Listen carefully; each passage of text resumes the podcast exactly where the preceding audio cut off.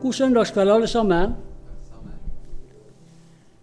Vi skal jo fortsette her snart på dette temaet som vi eh, har brukt to bibeltimer nå på da, i dag og i, eh, forrige gang og i dag. Og så eh, fortsetter vi litt der vi slapp sist nå da, i dag.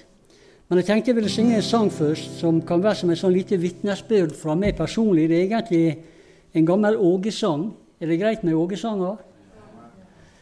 Men eh, kan være et vitnesbyrd fra meg òg. Jesus er livet for meg. Hvis du har lyst til å være med og synge, så er det lovlig, det. Sorgfull så ofte i verden jeg var. Tung var den byrde av synd som jeg bar. Men da i gråt jeg ved korset falt ned, fyltes mitt hjerte med fred. Jesus er livet for meg. Lyset han er på min vei. Alt jeg behøver, det har jeg i ham. Jesus er livet for meg. Når ingen andre meg hjelp kunne gi, da kom min Jesus, han satt meg fri. Livet jeg kjente og byrden forsvant, livssolen herlig og brant. Jesus er livet for meg. Lyset han er på min vei. Alt jeg behøver, det har jeg i ham. Jesus er livet for meg. Fattig jeg er, så rik i min Gud. Aktet for lite, men kongelig brud. Miskjent av mange, men salig jeg er. Snart hjemme til Jesus det bær. Jesus er livet for meg. Lyset han er på min vei. Alt jeg behøver, det har jeg i ham. Jesus er livet for meg. Snart er det glemt hva på jorden jeg var. Glemt er den hån som for Jesus jeg var. Og når som brud jeg til himmelen går inn, Jesus for evig er min. Jesus for meg. Lyset han er på min vei. Alt jeg behøver, det har jeg i ham. Jesus er livet for meg. Herlig sang. Vidunderlig vitnesbyrd.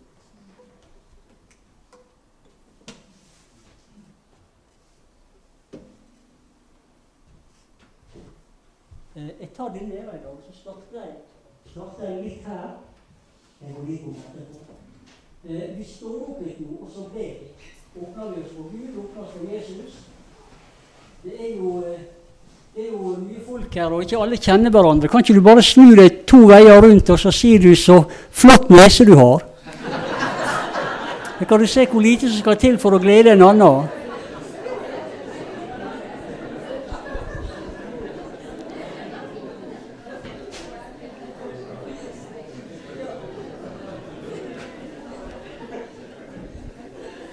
Du ser, det skal ikke så mye til å glede hverandre. Vi, vi, ber litt sammen nå. Nå ble vi kjent, så ber vi sammen. og Så åpner vi oss for Jesus, og så sier vi Kom og berør oss du i dag, Jesus, med det du har for vårt liv.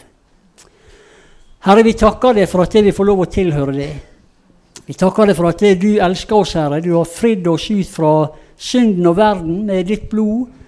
Og så har du satt oss inn i din fantastiske nåde, Jesus. Og Derfor får vi lov å leve og tilhøre det, og vi fryder oss i det, Jesus. Det er så fint å tilhøre det, Og det er godt å tilhøre det, Jesus. Du har, du har, gitt oss et nytt liv, og vi bare kommer tilbake til det og gir deg ære og pris, for du er virkelig verd det alt sammen, Herre, i Jesu navn. Og så ser du nå, står vi her innenfor det, og vi skal inn for dette ordet igjen med Den hellige ånd og nådegavene. Vi ønsker igjen å si her er vi, Jesus. Vi vil at du skal fylle oss, vi vil at du skal tale gjennom oss. Vi vil at du skal bruke oss, Herre. Vi vil være redskap for det i denne tida. Og vi vet at vi er helt avhengig av det og Den hellige ånd. Uten det kan vi ingenting gjøre, Herre, i Jesu navn. Så kom du, Herre. Vi er her, og vi er åpne for det. Og alt folket sier amen. Vær så god og sitt. Eh, forrige gang så avslutta vi med at vi søkte frem hit en god del. Og vi hadde da for oss dette søk med iver etter de åndelige gavene. Og jeg sa det at eh, å søke med iver det må jo være å søke frem med håndspåleggelse. Det må jo være ganske ivrig. Og så, sa, og så, ba vi for hverandre, og vi var konkrete, og, og noen ba om spesielle gaver, og vi ba generelt til Gud om at han skulle komme til oss og fylle oss med sin ånd, og så gi oss gaver som er ganglig for, for seg og Guds rike. Og så slutter jeg med å si neste søndag, altså nå, så skal vi starte med å spørre om det er noen som har gjort seg noen nye, spennende erfaringer med Gud etter at vi åpna oss på det forrige søndag. Nå, nå, er jo det bare ei uke siden, og det kan være litt kjapt med at Gud begynner å virke nådegave, med, med nådegave i livet vårt for første gang. Når jeg opplever det, så går det måneder mellom hver gang. Så vi blir ikke motløse om ikke det har skjedd noe denne uka. Men det kunne vært artig å spørre er det noen som har lyst til å bare løfte ei hånd og gi et signal på at ja, faktisk etter sist har jeg opplevd noe nytt med Gud. Det er ikke sikkert det er av en sånn art at du kan fortelle om det. Det kan være personlig og privat. Men er det noen som har lyst til å løfte hånda og si ja, jeg har faktisk det. Få se. Ja. 40 stykker med en gang. Fantastisk. Veldig bra, Jostein. Det var spennende. Eh, er det noe du kan si, eller er det privat? Personlig? Er det noe du kan nevne? Nei, det er styrke i kristenlivet. Fått en annen dimensjon. Det er noe som skjer med meg. Og jeg ber om det at jeg må være åpen for å ta imot disse gavene som Gud kan gi. Ja. Så jeg har ting veldig positivt. Ja. Vi merker jo at det skjer noe i livet ditt hele tida. Veldig, veldig bra. Ja, jeg har jeg har opplevd så mye siste halvåret at eh, jeg hadde lyst til å fortelle om det. For eh, det er store ting som skjer. Ja. Fra en liten håndspåleggelse til ting utvikler seg. Ja, jeg vet om det. Vi kan se om vi får tid i dette møtet. Hvis ikke så kan vi holde åpent for et annet møte. For det er veldig interessant å høre. Veldig bra. Er det andre som har et eller annet konkret som du kan spore tilbake fra at du søkte konkret forrige søndag? Få se. Ikke noen som gir noe sånt til kjenne. Da legger jeg vekk denne, og så går jeg hit. Som jeg sier, så eh, når vi opplever sånne gaver, så er ikke det verken hver dag eller hver uke eller hver måned nødvendigvis. Men når vi er åpne for disse gavene, og Bibelen sier vi skal søke dem med iver, så vil Gud komme. Og han vil komme i sin tid, og han vil komme når det er ganglig for Guds rike. Så vi skal fortsette å være åpne og søke Jesus for mer av hans gave. Først og fremst fordi det er bibelsk, og det er riktig å gjøre det. Jesus sa ei eh, eh, underlig setning til disiplene ved anledning, som er, som er nesten eh, umulig å forstå. Han sa det sånn Se, jeg sender dere som får blant ulver. Det er jo helt hjelpeløst. Får blant ulver. Det, det er jo helt umulig for får å overleve blant ulver. Det lar seg ganske enkelt ikke gjøre. Det er jo bare å se, Vi ser jo på TV nå ser disse her forferdelige tragediene på Hedmarken. det? Der det er en ulv som har gått berserk i en saueflokk. og Vi ser jo hvordan det er når får og ulver kommer sammen. Får har jo ingen muligheter. Er Helt dødfødt. Så er det det Jesus prøver å si med en sånn setning. Dere har ingen mulighet til å overleve. Nei. Dette må sees i lys av pinse. Hvis vi skal overleve i denne verden, så må vi ha ei kraft av en annen verden. Det er det det handler om. Hvis vi skal ikke bare overleve blant ulver, men vi skal overvinne og vinne ulver for himmelen, så må vi ha ei kraft av en annen verden. Det er det pinse handler om. Det er derfor vi sier 'Kom, Jesus, fyll oss med din ånd'. Uten meg kan dere ingenting gjøre, sier Jesus. Så vi vil være helt åpne for Han og det Han har å gi til oss. Vi går til 1. Korinterbrev 12 igjen. Jeg har ikke gitt noe skriftord til, eh, til uh, Elsa der, men det kan hende hun er kjapp og klarer å legge opp noe ut av det iallfall. Har dere bibler med, så tar vi oss tid til å finne frem. Så hvis du har Bibelen med, skal vi gi oss god tid, så du får først, uh, følge med i din egen bibel. Og streke. Gjør Bibelen til en arbeidsbok. Det er kjempeviktig. Første Korinterbrev, tolvte kapittel. Vi går inn og så leser vi litt om disse gavene igjen, og så fortsetter vi der vi slapp sist. Vi gikk gjennom fire gaver, og vi skal se om vi kommer gjennom de siste fem nå. Hvis ikke så skal jeg ha to møter rett over sommerferien. Da fortsetter vi i så fall da. Men skal, jeg har lyst til at vi skal komme gjennom disse fem siste her nå i dag. Første Korinterbrev, tolvte kapittel.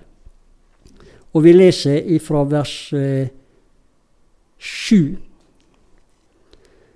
kan bare, kan bare nevne igjen, tror jeg, at i begynnelsen her så sier Paulus, og dette er et viktig poeng, at den gang dere var hedninger, ble dere dradd mot de stumme avgudene, som ikke kan tale. Så kommer han da med nådegavene for å vise at Gud taler. Avgudene er stum, de kan ikke tale, men Gud taler, og han taler gjennom disse gavene. Og så leser vi vers 7. For Åndens åpenbarelse blir gitt til enhver ettersom det er ganglig. For til en gis visdomstale ved Ånden, en annen kunnskapstale ved den samme ånd, en annen tro ved den samme ånd, en annen nådegaver til å helbrede ved den samme ånd, en annen kraft til å gjøre undergjerninger, en annen profetisk gave, en annen evne til å prøve ånder, en annen forskjellige slags tunger, en annen tydning av tunger. Alt dette virker den ene og samme ånd, idet han deler ut til hver enkelt ettersom han vil. Så det er helt tydelig at Den hellige ånd vil, og han vil dele ut til hver enkelt. Og det er ettersom det er ganglig for oss, og først og fremst for Guds rike. Sist så sa jeg hvorfor er disse gavene så viktige, og hvorfor er det så riktig å søke dem. Det er fordi at gjennom disse nådegavene så når Gud oss på en veldig direkte måte. Han kommer inn i livet vårt og taler kunnskap, eller profetisk, eller på andre måter. Sånn at han, han når tak i oss der og da med det som han vil. Og Så sa jeg at Bibelen er også viktig, men Gud taler også gjennom nådegavene. Bibelen er viktig fordi den gir oss historie, undervisning osv. Men eh, gjennom nådegavene så taler Gud direkte. Det kan han også gjennom Bibelen, men husk at den første kristne hadde ikke engang Bibelen. Men de hadde nådegavene, og de gikk kraftig frem. Det store seirer. Så nådegavene er særdeles viktige, og løftet om Åndens fylde og alt dette som hører med, det hører dere til, sa Peter, og deres barn, altså etterkommere, og alle som er langt borte i tid. Alle som Herren vår Gud kaller til. Så gavene og fylden er for oss i dag, og det er minst like viktig i dag som i den første kristne tid. Det skal vi se om vi rekker å komme litt inn på helt på slutten. Så snakka jeg sist om eh, visdom ved Ånden, kunnskap ved Ånden, tro og gave til å helbrede. Og Nå skal vi gå litt og snakke om kraft til å gjøre undergjerninger. Og jeg sa at det som er litt av forskjellen, og det er ikke helt riktig, men det, det, det er en måte å forstå det på likevel Forskjellen på gave til å helbrede og kraft til å gjøre undergjerninger er at helbredelse er en friskhet som skjer litt over tid. Og Jeg nevnte hun dama med hofta som, eh, som, ble bedt for, og så gikk det noen timer og natta, og så var hun helt frisk neste morgen. Det er en typisk helbredelse. Mens eh, ei kraft til å gjøre undergjerning, da skjer det øyeblikkelig. Og Nå skal vi lese litt fra apostelgjerningene 5, og vi skal se på litt, hvordan, litt om hvordan denne gava fungerte i den aller første kristne tid. Vi går inn i Bibelen i kapittel 5, apostelgjerningene 5. 12-16, eh, altså. Apostelgjerningene 5, 12-16. Eh, det ble gjort mange tegn og undergjerninger blant folket ved apostlenes hender. Og de holdt alle samdrektig til i Salomos bueganger. Det var inne på selve tempelplassen, i utkanten av tempelplassen. Der hadde, der hadde Salomo Eh, staller, vet vi, i sin tid. Men nå var det bueganger som utgjorde en del av tempelplassen, og der holdt de kristne til. Og, og, og av de andre vågde ingen å holde seg nær dem, men folket priste dem. Og enda flere troende ble vunnet for Herren, menn og kvinner i hopetall. så de til og med bar de syke ut på gatene og la dem på senger og benker, for at bare skyggen av Peter kunne overskygge noen av dem når han kom forbi. Ja, også fra de omkringliggende byer kom de sammen i mengder til Jerusalem. De førte med seg syke og folk som var plagd av urene ånder, og de ble alle helbreda. Her ser du altså hvordan Guds ord gikk frem gjennom kraftgjerninger og gjennom helbredelser.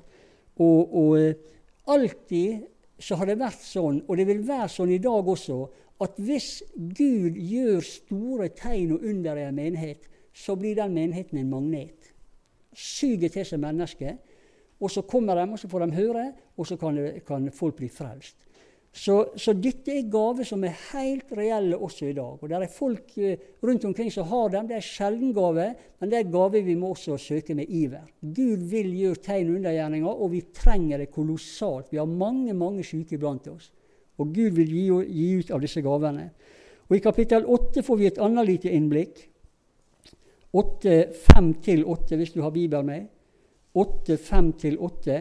Her er det Philip han var ikke en av apostlene, men han, var, han starta jeg hadde sagt som kelner og, og servitør og, og, hadde ansvar for matutdeling.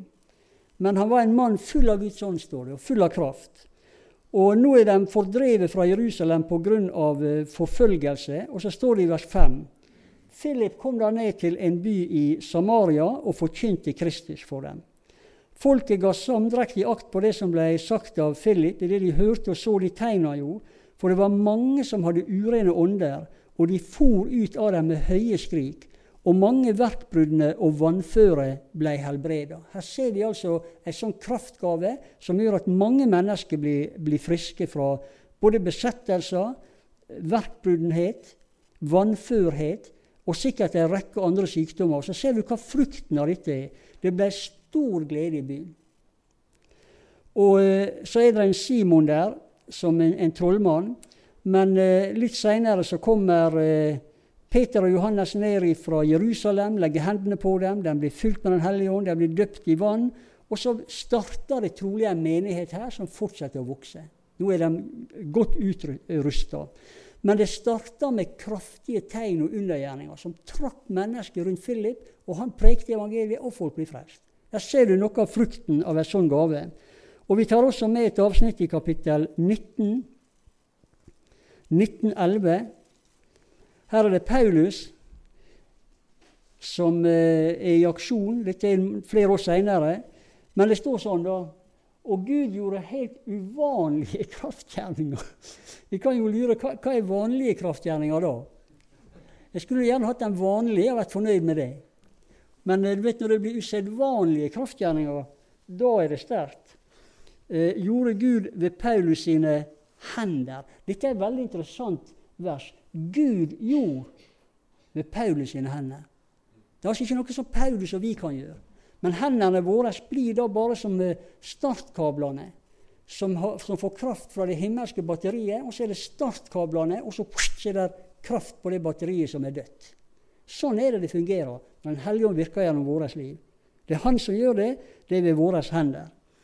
Og det står at det, så de til og med bar eh, svetteduker og, forklær som man hadde på seg, og bar til de syke. Og sykdommene vek fra dem, og onde ånder for ut. Og så blir det forfølgelse her også, og mange plasser. Det er noe som, som, på en måte følger kraftgavene. Det er så sterkt og overbevisende at djevelen reiser opp motstand av folk imot. Så Det må vi leve med, men det kan vi leve med. Vi vil gjerne se disse gavene og søke disse gavene. Men vi ser iallfall at det, når sånne gaver er i funksjon, så fører det nesten alltid til frelse og fornyelse. Jo flere som blir helbreda, jo flere familier blir berørt. Det er det han Jostein eh, vitner om. De har opplevd en, en helbredelse i familien for kreft. Hele familien er berørt av det. Sønnen Daniel sitter der også. Riktig? Så det er et veldig interessant vitnesbyrd. Men i alle fall, vi skal gå videre til den neste gava, som heter profetisk gave. Det er en gave som er kalla for sånn hverdagsgave. Tunge og tydning er jo gjerne for menigheten først og fremst. Det er ikke sånn som vi, vi går ut i gatene og taler tunge og tyder til folk. Men profetisk tale det ser du gjennom apostelgjerningene. Det var en gave som fungerte i hverdagen deres, som Gud talte rett inn i, i der og da situasjonen og leda dem. Profetisk gave og kunnskapsord. Det er sånne hverdagsgaver som, som Gud vil nå tak i oss med hverdagslige ting. Og Du skal få se noen eksempel etter hvert. Kapittel 14. Vi er i første Korinterbrev. Kapittel 14. Denne profetiske gava, det er den gava Bibelen ber oss særlig om å søke. Det er en viktig gave. Det er en gave som ser ut til å ha en litt fremskutt posisjon. Du skal få se hvorfor dette er en viktig gave. Det er en gave som har stor bredde i virkninga si. Og den kan forløse andre nådegaver, som jeg talte om her forrige gang, om, om han som fikk visdomsord nede i Telemark gjennom profetisk gave. Så det, det er en gave som vi oppmuntrer sterkt til å søke. Jeg tror vi må si når jeg sier det, at sammenhengen her er jo at denne menigheten i Korint talte veldig i tunge, og ser ut til å ha overdrevet det kolossalt. Og Paulus prøver å roe dem ned på det, fordi at hvis ikke dere tyder det, hvis dere bare taler i tunge uten tydning, så blir ikke det oppbyggelse. Tal heller profetisk, sier han. Så han oppmuntrer dem til å tale profetisk. Men det ser ut som at det, det var en gave de søkte generelt mye. For Philip hadde jo fire døtre alle var tenåringer, og alle fire hadde profetisk gave. Det er klart at Dette var noe de søkte særlig etter, fordi de så virkninga og effekten av en sånn spesiell gave. Men la vi gå til kapittel 14, eh, vers 3. Vi skal få se nå i alle fall tre sider ved denne, denne profetiske gava. 14.3. Eh, den derimot som taler profetisk, taler for mennesket. Og så kommer det til oppbyggelse, til formaning og trøst. Det er på en måte noe av virkningene når profetisk gave i funksjon. F.eks. i en menighet som det siktes til her. Den virker alltid oppbyggelse, den virker formaning, eller nye oversettelser sier veiledning og trøst. Det kan vi egentlig også si om tunge og tydning, eller kunnskapsord ved Ånden. Så det er ikke spesielt for denne gava, men det er generelt at gave har sånne virkninger. Men denne gava har noen spesielle sider. og og Det andre da som jeg har lyst til å nevne, det første er at den virker oppbyggelse, formaning og trøst. Det andre skal vi finne i Johannes eh, 16. Det er det at den profetiske gave kan også se litt av det fremtidige. Noe av det som kommer i fremtida. Det er derfor det kalles profeti, fordi man kan se noe av ting som Gud vil åpenbare i fremtida. Og i Johannes 16 der står det sånn i vers 13 Men når Han sannhetens ånd kommer, skal han veilede dere til hele sannheten, for han skal ikke tale av seg selv, men det han hører, skal han tale. Og de tilkommende ting, sto det før. Her står det og de kommende ting skal han forkynne dere. Det er fordi at det, Den hellige ånd han vet også det som ligger i fremtida. Det gjør jo ikke vi. Vi ser jo ikke to sekunder inn i fremtida. Men Gud er der. Og Han ser det som kommer. Og gjennom profetisk tale så kan han informere oss om ting som kommer i fremtida, enten for en menighet eller for enkeltpersoner. Veldig, veldig viktig gave. Og eh, den tredje sida eh, Kanskje vi kjapt skal ta med oss et vers fra eh, 1. Timoteus 4 også, når vi snakker om at dette er en gave som går inn i fremtida og deler ting med oss som kommer i fremtida. Timoteus sitt første brev, kapittel 4. Har du det, altså? Nei, det gjør ikke du. For du har ikke denne gava. Men her kommer det, vers 1.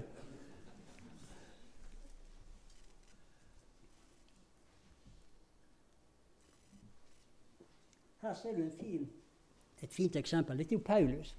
Men Ånden sier med klare ord. Det er en profetisk gave. At i de kommende tider skal noen falle fra, osv. Og så, videre. så kommer det flere vers. Men poenget er dette, og i min bibel står det men Ånden sier med tydelige ord. Det er også noe som er spesielt med disse gavene. Gud kan tale gjennom tanken og til tanken. Men når disse gavene er i funksjon, da er det tydelige ord. Når Gud taler gjennom tanken, da kan vi av og til uh, lure sånn er det, er det bare fra meg, dette her? Er det bare noen tanker? Eller er det Gud? Men når Gud taler gjennom gavene, da er det ingen tvil. Da er det tydelige ord. Og du hører ord i din ånd. Som jeg har nevnt når jeg sto her på 80-tallet, og Gud plutselig sier når han Hans Myhrvold drar i dag, skal han ha med seg din tolvstrengers gitar. Det var ikke en magefølelse, det skal jeg love dere. Det var ikke en tanke fra meg. Men eh, vi fikk bekreftelse på det. Bort i Russland hadde det sittet ei dame og bedt 'Kjære Gud, kan du gi meg en tolvstrengers gitar?' og så sier Gud han skal ha med seg din tolvstrengers gitar. Og da er det med tydelige ord. Det er derfor disse gavene er viktige å søke. Da er du aldri i tvil. Og når, når Gud taler til deg, enten det er gjennom den ene eller den andre gava, så må du alltid gjøre det han sier. Du må aldri nøle da. Du må alltid gå på det Gud sier, for han taler veldig tydelig. Så den profetiske gave kan formidle også noe av det fremtidige. Men så har den en tredje side som er veldig viktig. Og da skal vi gå til, til Korinterne 14 igjen. Første Korinterbrev 14, fra vers eh, 23. Her står det noe veldig interessant og viktig om denne gava. Om hele menigheten kommer sammen, sier han, og alle taler med tunge, som kan skje i en menighet hvor man er nyåndsdøpt og nybegeistra og vil prise Gud i tunge, det gjør ikke noe det på et bønnemøte der alle sammen er innforstått. Men dette er et offentlig møte som han underviser om her. Og så sier han at det, om hele menigheten kommer sammen, og alle taler med tunge, og det da ikke blir tyda, og det kommer en ukyndig eller vantro inn, så vil de si at dere er ute av dere sjøl, selv, selvfølgelig. Men, sier han, hør på dette nå, hvis alle taler profetisk og det er spissformulering, for han vil ikke at alle skal tale profetisk heller. For han rydder litt opp i det seinere og sier det må være to toppen tre. Men sånn teoretisk, da, hvis alle talte profetisk, og det så kommer inn en vantro eller ukyndig, så blir han eh, avslørt av alle og, og, dømt av alle. Og hans hjertes skjulte tanker blir åpenbart. Og han vil falle på sitt ansikt og tilbe Gud og si Gud er sannelig blant dere. Altså Der ser du en fantastisk interessant side og egenskap ved den profetiske gave. At du kan tale profetisk inn i et menneskeliv som avslører det mennesket på en sånn overbevisende måte at han faller på sitt ansikt og sier her er Gud sannelig til stede. For det du sier inn, inn, i mitt liv nå, det er ikke et menneske som vet. Det må være Gud. Så blir de overbevist. Jeg har opplevd dette noen få ganger i mitt liv. Og skal, for tida sin skyld så skal jeg ta med ett eksempel fra da jeg var pastor på Notodden. Og eh, Jeg kom til et møte, et, et onsdagsmøte, og jeg skulle forkynne. Og jeg hadde fått et profetisk budskap før jeg gikk hjemmefra. Og jeg visste ikke hvem det var til. Det, det får du av og til vite. Men da deler det med forsamlinga. Når, når, jeg vet at jeg skal inn i dette møtet, så deler det med forsamlinga, og så vil Den hellige ånd gi en sanksjon til én eller to eller tre, og så plutselig så skjer det noe i, i deres liv. Så jeg kom til møtet og hadde et budskap. Og vi hadde evangeliesenteret fra Solbakken var der. Og eh, jeg gikk på talerstolen, og så pleier jeg vanligvis å begynne med å si sånn Før vi deler Guds ord, så har jeg fått et budskap jeg vil dele. Sånn pleier jeg å gjøre. Men idet jeg kommer opp på talerstolen, så er det akkurat som Ånden sier 'vent litt'. Så jeg bare begynte på preken, og midt i preken så sier Den hellige ånd 'nå'. Jeg la sammen tekstboka og Bibelen, la det til sides, og så sier jeg 'jeg har et budskap som jeg må dele med dere akkurat nå'. Så sier jeg 'akkurat nå sitter her en mann og planlegger å gå bort fra Jesus'. Gud sier 'det må du ikke gjøre'. Det får fryktelige konsekvenser for deg. sa jeg. Så åpner Bibelen prekte videre. Sånne kunnskapsord er ofte bare en setning og to eller tre, og profetisk tale. Idet jeg begynner å preke videre, så ser jeg en mann på bakerste benk som bokstavelig talt får hakeslepp. Haka datt ned på han. Han løper frem på sida inn på første benk. Der sitter lederen for evangeliesenteret. Så hører jeg, når jeg preker videre, så hører jeg ut av ørekroken at han sier 'Mener han meg?' Så sier hun lederen på senteret 'Det vet ikke jeg', sier hun. 'Sitter du og planlegger å gå bort fra Jesus da?' 'Ja', sier han. 'Ja, da mener han det', sa hun. Der faller denne mannen på kne og hulkegråter så han, han rister. Han typen her han var en bodybuilder. Vet du hva en bodybuilder er? Han, eh, jeg hadde vært på Solbakken på evangeliesenteret og sett hvor de lå og pumpa jern. han typen her og en, og en kar til. Hans overarmer var minst så stor som mine lår. Han, han, han, hadde en spesiell funksjon i ransmiljøet før han ble frelst. Husker dere Nokas-ranet? Og, og, han her havna som, som var sånn sleggemann som, som, knuste seg gjennom, gjennom dørene og inn til hvelvet. Han var en sånn han var bokser, veldig sterk han. Og han typen her han var sleggemann i disse ransmiljøene. Det som hadde skjedd, var at eh, to av hans tidligere eh, medsammensvorne, da, før han her ble frelst, de var begynt å tekste til han. Fordi han skyldte dem 100 000 kroner etter et tidligere brekk som de hadde gjort i en bank, og kommet unna med det. Og, og han skyldte dem penger. Så nå var de begynt å, å hekte seg på han at det, vi trenger det til ett brekk til. Du skylder oss penger. Hvis du ikke gjør det, så knuser vi kneskålene til hele familien din. Vi vet hvor de bor. Og han visste at det var de kapable til, for disse miljøene er ikke snille med hverandre. det skal jeg si dere. Så han begynte å bli redd, og så turte ikke han å la være. Og så når jeg sa dette her, 'Nå sitter du', så satt han på bakerste benk og planlegger. I natt skal jeg gå bort fra Jesus. Jeg skal hoppe ut av vinduet mitt klokka tre, halv fire. Og så skal jeg gå ned til krysset, og så skal jeg gå på nattbussen fra Notodden, fra Oslo gjennom Notodden, der vi var, til Bergen, ned i krysset. Der skal jeg på bussen, og så skal vi gjøre et brekk i, i Bergen. Men jeg, men jeg, må gå bort fra Jesus. Det sitter han og planlegger i samme øyeblikket. Eh, dette førte til at han sendte en melding til dem dere kan bare glemme meg. Jeg kommer ikke. Jeg har blitt frelst. Jeg tilhører Jesus. Han skal jeg tilhøre. Dere kan gjøre det dere vil. Jeg kommer ikke. Det rare er at de slapp helt tak i ham. De lot han gå. De lot penger være penger. De rørte ikke familien hans. Han, de slapp han pga. dette. der. Og Det er noe av det du også skal legge merke til at når Den hellige ånd opererer på én kant, sånn som med et profetisk tiltale der, så har han forberedt situasjonen på den andre kanten med. Det kan du bare legge merke til. altså. Han bommer ikke, og han gjør ikke feil. Men, men dette skjedde kun på to setninger på denne måten der. Da, da skjønner vi at dette er gave vi må søke med iver. Vi trenger henne rikelig i vårt hverdagsliv. Er vi enige? Dette er en gave vi må bare søke og trenge oss på. Og Gud han taler akkurat når det, når det passer for seg og for Guds rike. Det er ikke noe vi skal ta oss sammen og, og, og være veldig fokusert på. Han bare taler, så bare går du. Det er veldig laidback og avslappa. Også lyst til å nevne før vi slipper denne gaven, at det er en gave som er veldig viktig i forbundssituasjoner.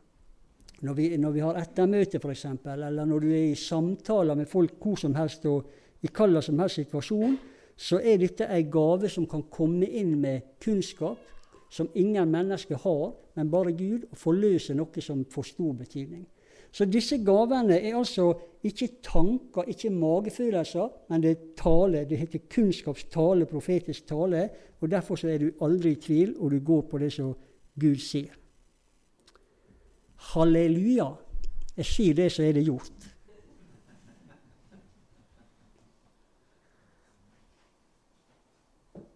Da går vi til den neste gava. Det må jo bli bare litt, sånn, litt innom hver gave når vi bruker to bibeltimer på det. Og Den gava heter 'Gave til å prøve åndene'. Og Da skal vi igjen gå til Bibelen, til apostelgjerningene 5. Apostelgjerningene 5 skal du se et eksempel på hvordan den gava fungerer. Eh, jeg sa i sted at det helbredelsens nådegave og kraft til å gjøre undergjerninger ligger veldig opp nært, nært, opp mot hverandre. Og vi kan også si at denne profetiske gava, som, eh, som, kan avsløre tanker og, og hjerte og råd, ligger også veldig nært opp til dette å prøve åndene. Det, det, er ikke alltid lett å se hva som er hva. og Det er heller ikke det viktigste, som jeg sa, men at vi får nåde til å fungere i dem, så Guds rike kan gå frem. Men her i apostelgjerningene 5, da, en eh, altså, Jeg vet ikke hvor mye vi skal lese, det er en lengre historie. Men vi kan begynne i vers 1. En mann ved navn Ananias og hans hustru Safira solgte en eiendom. Og han stakk til side noe av pengene med sin hustrus viten og bar frem bare en del og la det for apostlenes føtter. Det ligger innbakt her at de lot som de ga alt. men de holdt tilbake noe av pengene. Eh, da sa Peter, 'Ananias, hvorfor har Satan fylt ditt hjerte?' Dette kunne ikke Peter vite, men han prøvde, kjente det på ånden. Hvorfor har Satan fylt ditt hjerte så du skulle lyve for Den hellige ånd og stikke til side noe av pengene for åkeren? Var den ikke din så lenge du hadde den, og var den ikke din makt da den ble solgt? Hvorfor hadde dere satt dere denne gjerning fore i ditt hjerte? Du har ikke løyet for mennesket, du har løyet for Gud. Og så vet vi at Ananias faller om og oppgir ånden. Veldig, veldig kraftig reaksjon. Så går det noen minutter. Så kommer kona inn i vers 8. 7. Det gikk tre timer, gjorde det. Så trådde hans hustru inn uten å vite hva som hadde skjedd. Peter tok til orde og sa til henne, Si meg, var det for denne prisen dere solgte åkeren? Hun svarte, ja, det var for denne prisen. Legg merke til hvordan Peter gir henne mulighet til å, til å omvende seg. Du vet Det står i åpenbaringa jeg ga henne tid til å omvende seg, men hun ville ikke.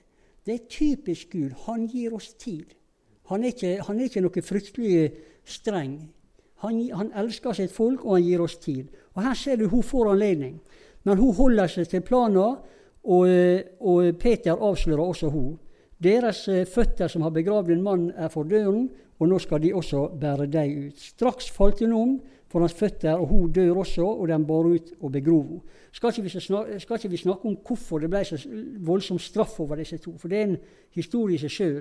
Men bare, bare konstatere at gjennom denne gava så kunne Peter skjære gjennom, og han kjente deres ånd og hva de gjorde. En kraftig, overbevisende gave. Og Hvis vi går til det åttende kapittelet, og vi skjønner også en viktig gave Åttende kapittelet, da er det Peter som kommer ned til Samaria, der Philip har stått i vekkelse. Og gjennom tegn og veldige undergjerninger så ble mange folk frelst. Men Philip hadde nok ikke gaver til å prøve åndene. For han tok trollmann Simon for god fisk. og Han døpte han, og han innlemma han, og han fikk være med i virksomheten. Men så kommer Peter ned med denne gava. Og, og, da står det i vers 19, 18, 8-18 Da Simon så at ånden ble gitt ved apostlenes håndspåleggelse, kom han til dem med penger og sa:" Gi oss og meg denne makt at den jeg legger hendene på, må få Den hellige ånd. Men Peter sa til han, Ditt sølv være forbannet, både det og du selv, fordi du tenkte å kjøpe Guds gave for penger. Så sier han, du har ikke del eller lodd i dette ord, for ditt hjerte er ikke rett for Gud. Det så ikke Philip. Enda han hadde kraftgjerninger, men han så ikke dette skjulte i, i trollmannen. Men Peter sier, omvend deg derfor fra denne din ondskap, og be Herren om at kanskje, han, kanskje ditt hjertes tanker skal forlates deg. For jeg ser at du ligger i bitterhetsskalle og urettferdighetsbånd eller lenke. Og Det er igjen denne gava. Han skjønte hva som bodde i hjertet til denne mannen. Han skjønte hva ånd han talte av. Han hadde gave til å prøve det. Han skjærer igjennom. Og så får jo da trollmannen anledning til å bli frelst. Det er jo det som er poenget. Det er ikke liksom å spikre han opp etter veggen og ta han, men han får anledning til å omvende seg. Det er det som er noe av kjærligheten bak alle gavene. En mulighet til å gjøre opp og få det rett med Gud. Vi vet ikke om han gjorde det, men eh, jeg liker å tro at han gjorde det. Så får evigheten gi svar på det. Skal vi ta med ei i kapittel 13 også? Et eksempel i kapittel 13. Det, det er Paulus. Og igjen ser vi hvor viktig denne gava er. Eh, Paulus har kommet til Kypros. Eh, misjonsutsending, helt fersk, ny på veien men han er utrusta med kraftgave og med Den hellige ånd, og han taler profetisk, og han er lærer. Så han far ut. Og eh, så kommer han da til, eh, til Kypros, ja. Og i vers 6, dette er 13,6 Etter at de hadde vandra gjennom hele øya helt til Pafus, traff de på en trollmann, en falsk profet, en jøde som heter Bar-Jesus, som var hos landshøvdingen Sergus Paulus, en forstandig mann. Han hørte Paulus og Barnabas eh, tale og ba, dem, ba, om å få høre Guds ord. Men Elimas, trollmannen, for det betyr hans navn, sto dem imot og søkte over denne landshøvdingen bort fra troen. Så kommer det.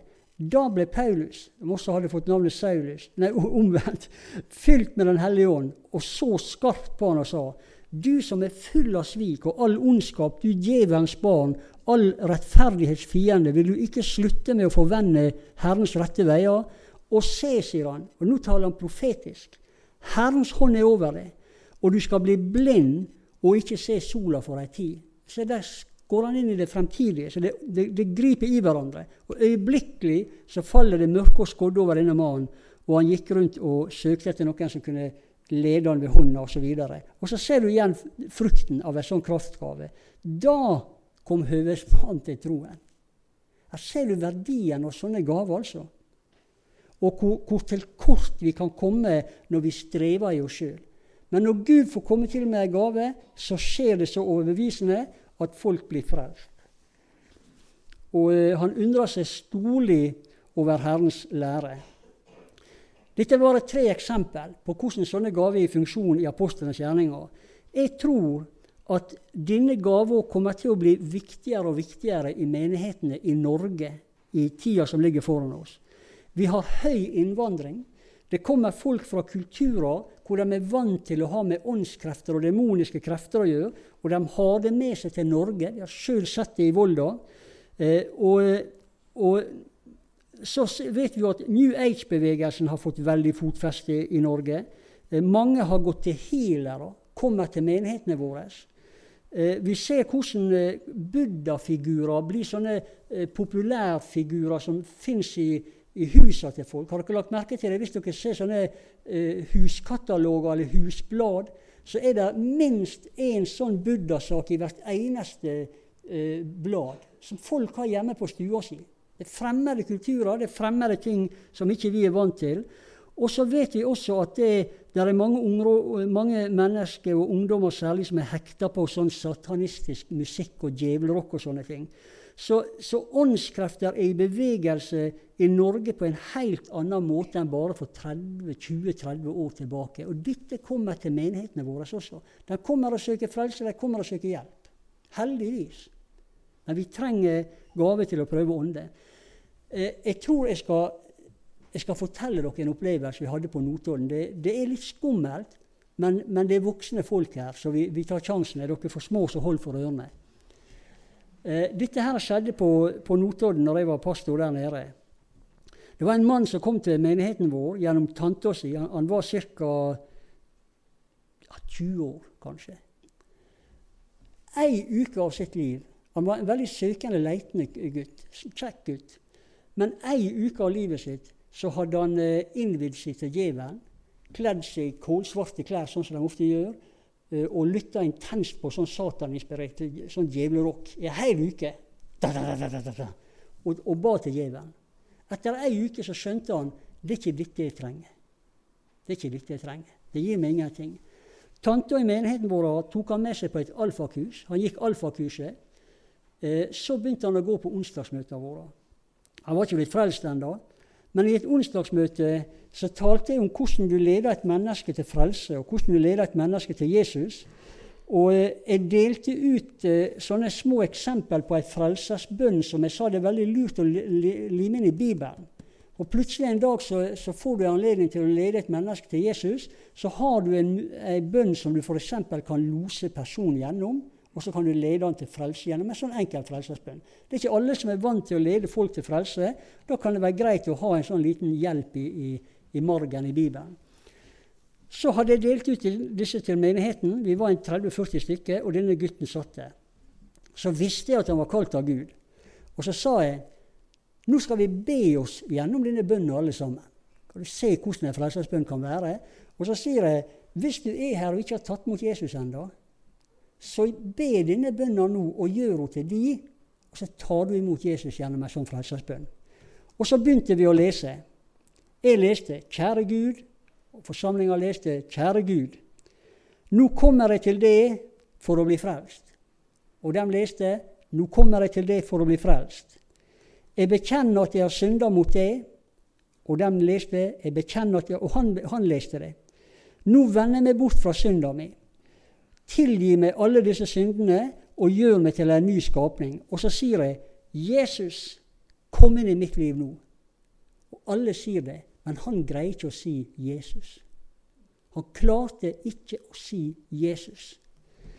Og jeg ser at han blir stum. Munnen faller sammen, holdt jeg på å si. Og vi ber oss gjennom bønnen, men han klarte ikke det. Så kommer han frem til meg etterpå og sier han, 'Du, eh, jeg tar med meg denne bønnen hjem', sa han.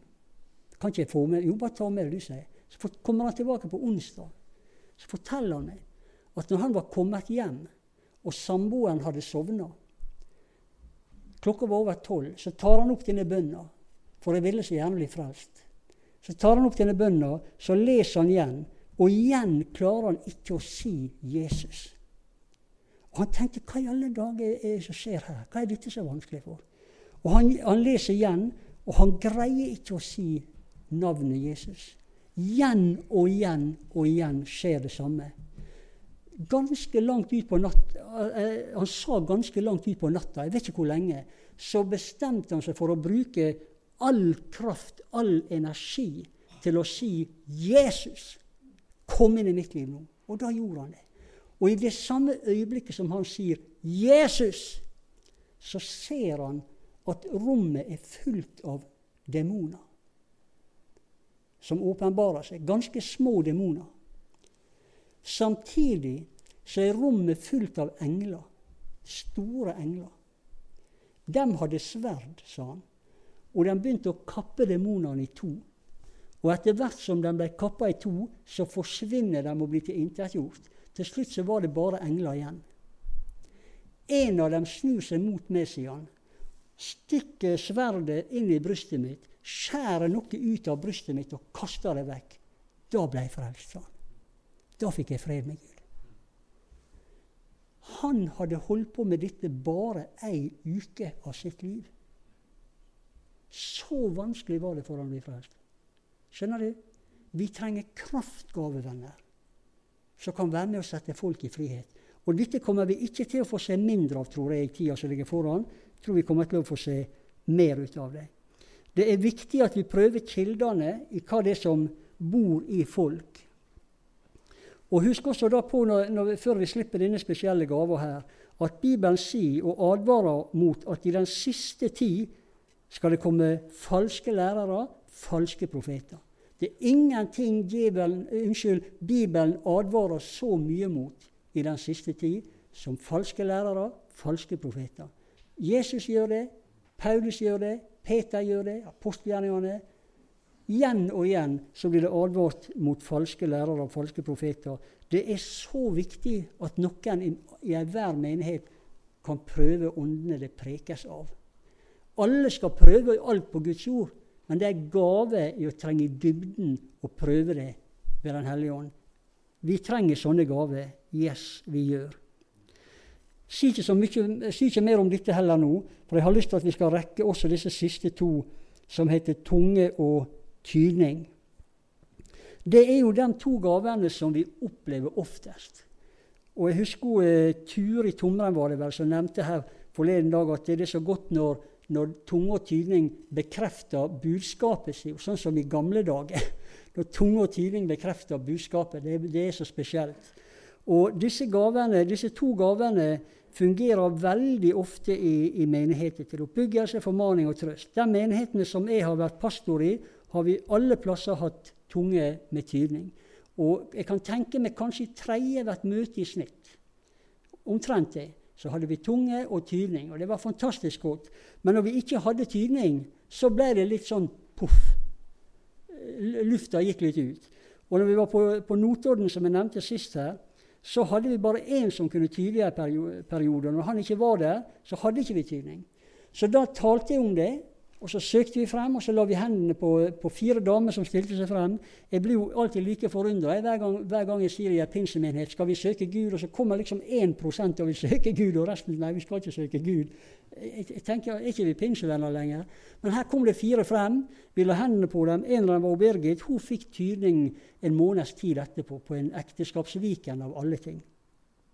Så, så disse gavene er viktige har bare lyst til å si også personlig om disse gavene. Jeg har to, disse to siste gavene. Jeg har to sterke opplevelser sjøl fra eh, tunge og tydelige forsamling som har vært til meg, og som har forandra livet mitt. Det ene var her på Elin for eh, mange mange år siden. Jeg tror de tyder. Det kan stemme ganske bra. Og eh, den andre gangen jeg var på eh, eh, Ja, var det i Nei, det var i, nede i Grenland. Men den første gangen da hadde jeg vært frelst hadde, Er dette lokalet her over 30 år nå? Ja, over 30 år. Eh, det var ganske nytt. Jeg hadde vært frelst i sju år. Jeg sitter der nede som han Sigfrid sitter. Der sitter jeg. Og så hadde jeg jo på det tidspunktet hørt mange tunger tydning. Det skjer jo ofte. Men det var ikke til meg. Det er ikke alltid det er til det, men det er til en annen. Men der kommer det altså et budskap i tunge. Og allerede når tungene kommer, så vet jeg som en sanksjon dette til meg. Så jeg tok opp papir og blyant, og jeg skrev tydninga. Og, og tydninga var sånn som dette her. Jeg skal fornye det i ditt bønneliv. Det skal ikke lenger være et ork. Du skal ta tid med meg, sier Herren. Og du skal be i Ånden, og jeg skal føre deg i nye dimensjoner av ditt bønneliv. Jeg vil fornye ditt bønneliv når du tar tid med meg. Sånn gikk budskapet. Og jeg kjente det til meg.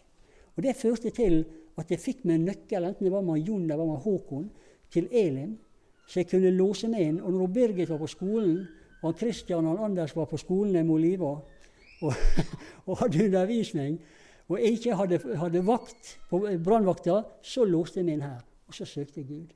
Og vet du det at i løpet av kort tid så førte Gud meg inn i tilbedelsen. Før det hadde jeg aldri vært inne i tilbedelsen. Jeg hadde bedt til, men jeg hadde bare lest om tilbedelse. Men da førte Gud meg inn i tilbedelse. Der har jeg vært i over 30 år, og det forvandla livet mitt. Et enkelt budskap i tunge og tydning. Så viktig. Må aldri nedvurderes. Andre gangen Nå begynner vi å nærme oss slutten. Jeg pleier å slutte fire-fem ganger. Men jeg skal bare slutte kjapt nå. Andre gangen var jeg på vei ned til Grenland og skulle preke om profetiene fra Notodden. Og På vei nedover dit så hadde jeg sittet og bestemt meg for Da hadde jeg prekt om profetiene i Bibelen i sikkert over 20 år. Jeg begynte å bli litt lei. Jeg var blitt litt mismodig på det. Jeg hadde fått en kommentar. Oh, vi, er så, vi er så skrøpelige. Vi er så skjøre. Og jeg hadde fått en kommentar og så sitter jeg på vei nedover Telemark mot Grenland og kjører, og så sier jeg til meg sjøl dette, Poggy, er siste gangen du preker om profetiene. Jeg hadde bestemt meg på vei nedover. Aldri mer. Jeg var ferdig. Og jeg sa til Gud du får finne noen nye, noen andre nå. Jeg preker ikke om dette mer. Siste gangen.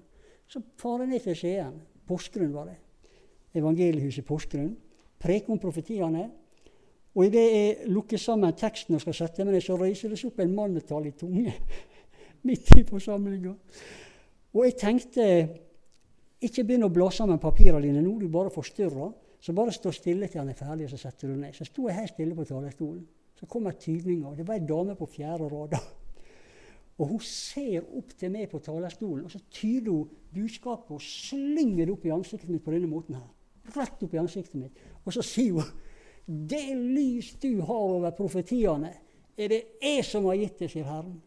Det er ikke du som bestemmer om du skal preke om profetiene, men det er jeg som bestemmer om du skal preke om profetiene. Og det lyset du har fått, sånn står hun, det har jeg gitt deg, sier Herren. Og jeg har gitt det for at du skal dele det med mitt folk. Bang! Skuffa gikk rett ned, og jeg kraup tilbake til Notodden, for å si det sånn. Du skulle tro satt i bilen på vei nedover og så tankene, men det gjorde hun jo ikke. Men Gud ser jo alt, og Gud har omsorg. Og etter dette så har jeg intensivert å preke om profetiene. At mange jeg om det, og jeg gjør det fremdeles. Jeg kommer til å gjøre det så lenge jeg lever. Men det budskapet var helt nødvendig for at ikke jeg skulle legge det på hylla. Forstår du? Så viktig er det at vi har gavene i vår midte, venner. Og at det brukes, og at vi er frimodige, og at vi søker dem som aldri før. Dette er en tid hvor det er særdeles tidsriktig å søke de åndelige gavene. Hvorfor det? Jo, hør. Joel er jo pinseprofeten. Joel 3, som blir oppfylt på apostelgjerningene 2 på pinsedag. Jeg skal utgyte min ånd over alt kjøtt. Eh, Joel 3. Men i det andre kapittelet så, så ser han hele menighetens tidsutholdning i et større perspektiv. Og da sier han sånn Først sender læreren til rettferdighet. Det er jo Jesus. Så sier han deretter sender jeg vårregn. Nei, så sender jeg vårregn over dere. Så sender jeg høstregn over dere. Så der deler han på en måte menighetens tidsutholdning i to pinsevær, to åndsvær. Først vårregnet, så høstregnet. Og vårregnet det kom på pinsefestens dag i Jerusalem. Og, og vårregnet over, over, grøden kommer fordi at spirene skal bli sterke og få dype røtter og få kraftig eh, næring og komme seg dypt i jorda og bli sterk nok til å tåle sommertørken. Og Vi så hvordan evangeliet etablerte seg over hele Middelhavet i løpet av hundrede år. Og ble veldig sterkt, veldig stort. Mange menigheter talte titusener av mennesker.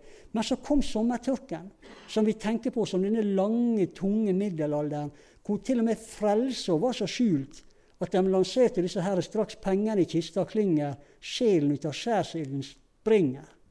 Så da er det sommertørke. Men så sier Joel deretter sender høstregn. Og i 100 år nå, venner, har vi sett høstregn over jorda i en rekke pinsevekkelser som har grepet inn i alle kirker. Og høstregnet kom for at grøden skulle bli mangfoldig og innhøstninga skulle bli formidabel. Og Nå kan dere se hvordan, hvordan evangeliet brer seg til hver tunge stamme folk. Og etter høstregn Misjonen har aldri vunnet så mange seirer som i dag. Det har aldri blitt frelst så mye folk som i dag. Det er høstregn over jorda, og det er så riktig som aldri før å søke nådegavene. Det er høstregn. Det er høstregnstid. Og Birgit og jeg har hatt en del seminar om ekteskap og kjærlighet og samliv og kjæresteforhold og, og sånne ting eh, når vi var på Østlandet. På sånne seminar hvor temaet ikke var Den hellige ånd, men ekteskap og samliv, opplevde vi at folk plutselig talte i tunge for første gang i sitt liv. Talte profetisk, fikk tydning, og Birgit og flere. Eh, fikk kunnskapsord på et ekteskapsseminar for første gang i sitt liv. Hvorfor det? Det høstregn? Det er tida. Og Guds ånd faller som aldri før. Venner, vi trenger disse gavene og Guds ånd vil gjerne dele ut og gi ut til alle og enhver. Så har jeg sett også da, noen ganger disse åra jeg har vært pastor, at det er noen som har opplevd å fungere i nådegave tidligere i livet, men som har latt det bli liggende brakk. Jeg, jeg har sett tre årsaker. Det kan være mye mer.